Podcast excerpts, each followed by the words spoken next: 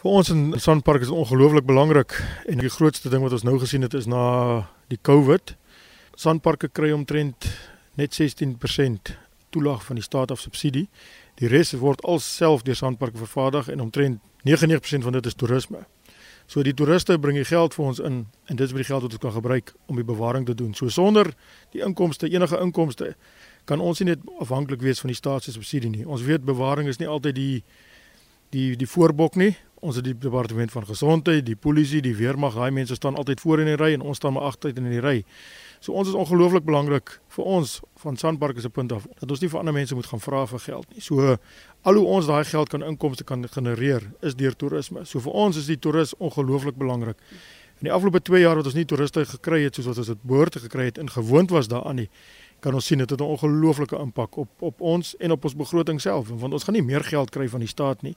So ons moet self daai inkomste genereer. So ons moet bietjie verder dink as net jou gewone toerisme wat ons in die verlede gehad het. Ons moet kyk na ander maniere, 'n bietjie dink weier dink as wat ons in die verlede gedink het om te kyk hoe ons daai geld kan genereer en ander mense kan betrek binne in die park. Nie net jou tradisionele persoon wat net na die wildboek kom kyk nie, maar na iets anders ook om te kyk hoe ons daai mense kan betrek in die park om meer inkomste vir die park te genereer sodat ons die die mandaat waarvoor ons aangestel is vir die bewaring van die area kan voldoen en volhoubaar kan doen in die toekoms wat voorkom. Nou as jy streng inperkings het soos jy nou gesê het, het die toeriste weggehou en julle bedryfsbegroting het seker nou harde bakslaag gekry. Waar gaan dit op grondvlak vertolk? Dit is waar die grootste probleem lê. Op die oomblik is dit dat jy moet alles wat jy kan doen om die bewaring te kan doen. Ons is ook baie afhanklik van uh donateurs wat vir ons geld gee om sekere van ons funksies soos vir die renosters of vir die olifant of vir die leeu te kan doen. Maar daar's ander goed buite dit wat ons ook nog steeds moet in stand hou. So ek dink ons grootste bekommernis op die stadium is om seker te maak dat die instandhouding met die bietjie geld wat ons het, ons die standaard kan handhaaf van wat dit daar was voor die die pandemie daar was. Ons kan nie sê ons het nie meer die begroting, ons kan nie meer dinge in stand hou nie. Want jy vra mense, mense betaal vir 'n sekere diens, hulle betaal vir 'n sekere fasiliteit waarvoor dit daar is en jy moet seker maak dat daai standaard voordat die pandemie Suid-Afrika gekry het, moet in stand gehou word sodat as jy betaal moet jy waarde vir jou geld kan kry. So ek dink dit is waar ons grootste bekommernis is ons moet seker maak ons het die begroting om dit wat ons het in stand te kan hou en, en natuurlik jy wil altyd verbeter. Jy wil nie net die standaard hê van wat jy gehad het nie. Ek bedoel ons moet altyd streef na iets beters. So jy moet kyk na nuwe produkte en oor dit wat jy het op die oomblik om dit te kan in stand hou vir die toekoms wat sal voorlê. Die Adu Olifant Nasionale Park is in die top 4 wat verdieners aanbetref.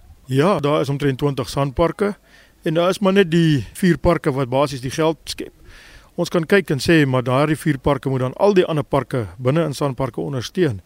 Want van hierdie kleiner parke is ongelooflik belangrik van 'n biodiversiteitpunt af, maar hulle het nie dit wat dalk 'n toerist kan aantrek na daardie park toe nie of hulle het nie die fasiliteite om dit te kan doen nie of hulle is nie in naby groot sentrums waar daardie hoeveelheid mense is wat kan inlig nie, maar ons moet daai geld genereer in die vier topparke in sandparke sodat ons daardie parke wat belangrik is vir bewaring ook kan ondersteun. Maar net so moet ons ook kyk na ons eie fasiliteite en na die toeriste wat ons inbring en jy moet heeltyd soos wat die voorsitter van die raad gesê het, ons moet kyk na hoe hoe gaan die bewaring lyk oor 40 jaar of in 2040. Ons moet kyk wie is die kliënte wat ons gaan kry en ons moet seker maak dat ons vir al daardie persone kan iets kan bied dat ons meer hoe meer mense in hoe wyeer sirkel ons kan intrek in die park in sodat ons 'n aanhoudende inkomste kan genereer. Ek kyk nou heeltyd oor jou skouer en dis baie interessant. Ek dink julle het dit vir besoekerswaarde hier opgesit en dit is 'n deel van die Armstrong heining. Hier is nou huisbakkabels en vreeslike dik stutpale as mense dit so kan noem. En dit is ook nog 'n ding waarvan eintlik baie min toeriste weet hulle kom kyk vir die olifante maar hulle besef nie die geskiedenis agter hierdie stuk heining nie. Ja, onthou in die dae toe toe Armstrong hierdie heining ontwerp het, was daar nie goed soos elektriese heininge wat baie makliker is deesdae vir ons om die diere binne te kan hou. En jy het ook nie nodig om sulke verskriklike drade en heininge op te sit nie, man. Daai het hulle nie van beter geweet nie.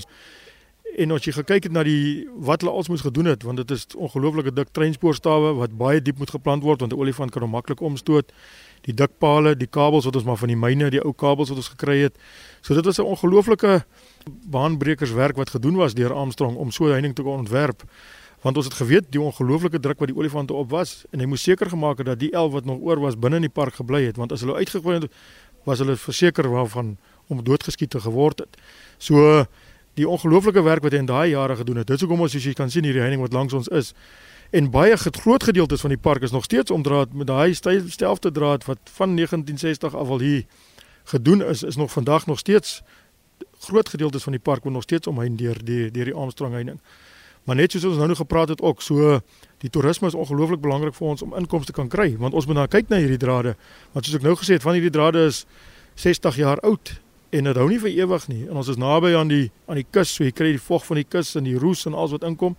So die drade moet her, gereeld um, nagesien word en so ons moet seker maak dat die diere nie kan uitbreek nie, want jy kan nie iets aanhou maar jy kan nie daarvoor kyk nie. So jy moet seker maak dat die integriteit van die park reg rondom se grensdraad en als altyd tot 100% veilig is om dit wat die diere binne veilig te hou, maar ook so die mense in die, in die boerderye gemeenskap aan die buitekant veilig te hou van van skade wat geaangerig kan word deur hierdie wilde diere. Dis eintlik 'n stuk monument wat hier staan. Maar is hier gidse kan mense hier na toe kom en is hier gidse wat hulle dan by die park kan bespreek of moet hulle vooraf eers bespreek? So in Addo, dis een van ons toerismeprojekte wat seker die meeste van die geld genereer is ons gidse wat die die voertuie bedryf binne in die park. Daar is ook 'n groot aantal natuurlik van jou ander toerisme instansies wat buite die park is wat ook natuurlik van Addo afhanklik is wat ook inbring.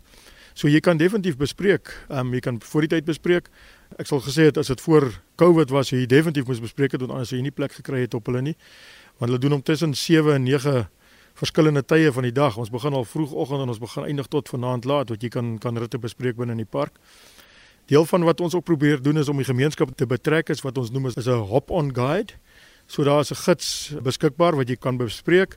Hy klim in jou eie voertuig saam met jou as jy nie graag saam met ander mense op 'n voertuig wil hê nie. En miskien nou in die pandemie waarin ons leef, is dit ook miskien baie veiliger as jy net die gids kry wat saam met jou in jou voertuig ry. Hy gaan saam en hy kan vir jou vertel van alles wat binne in die park is.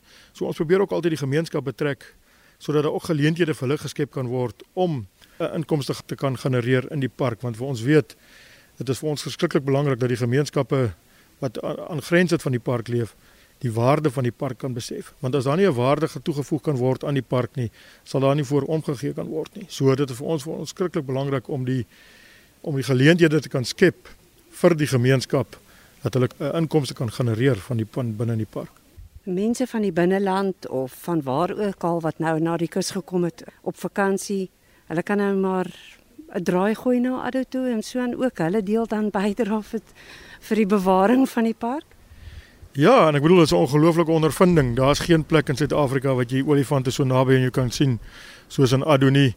Hulle het 'n ongelooflike goeie temperament. Daar is soos hulle self gesê het vroeër in die in die in die besprekings dat is 'n ongelooflike ervaring in Addo. Die wildbesigting is iets vanuit 'n ander wêreld uit. Ons het die groot 5 en as jy langs die see afry kan jy nog die die dolfyne en die haie en die walvisse sal jy ook kan sien. So dit is 'n ongelooflike ondervinding en dit is reg teen die kus. Ons self het 'n groot 114 000 hektaar kusgebied wat ons self bestuur ook ter bewaring van ons nageslagte en die erfenis waarmee daarmee te saamgaan. Ons verwelkom almal. Kom geniet die park, kom geniet wat ons vir jou bied en ons hopelik daarna wat jy kan sien wat ek bied, sal jy laat terugkom terug na Addo toe.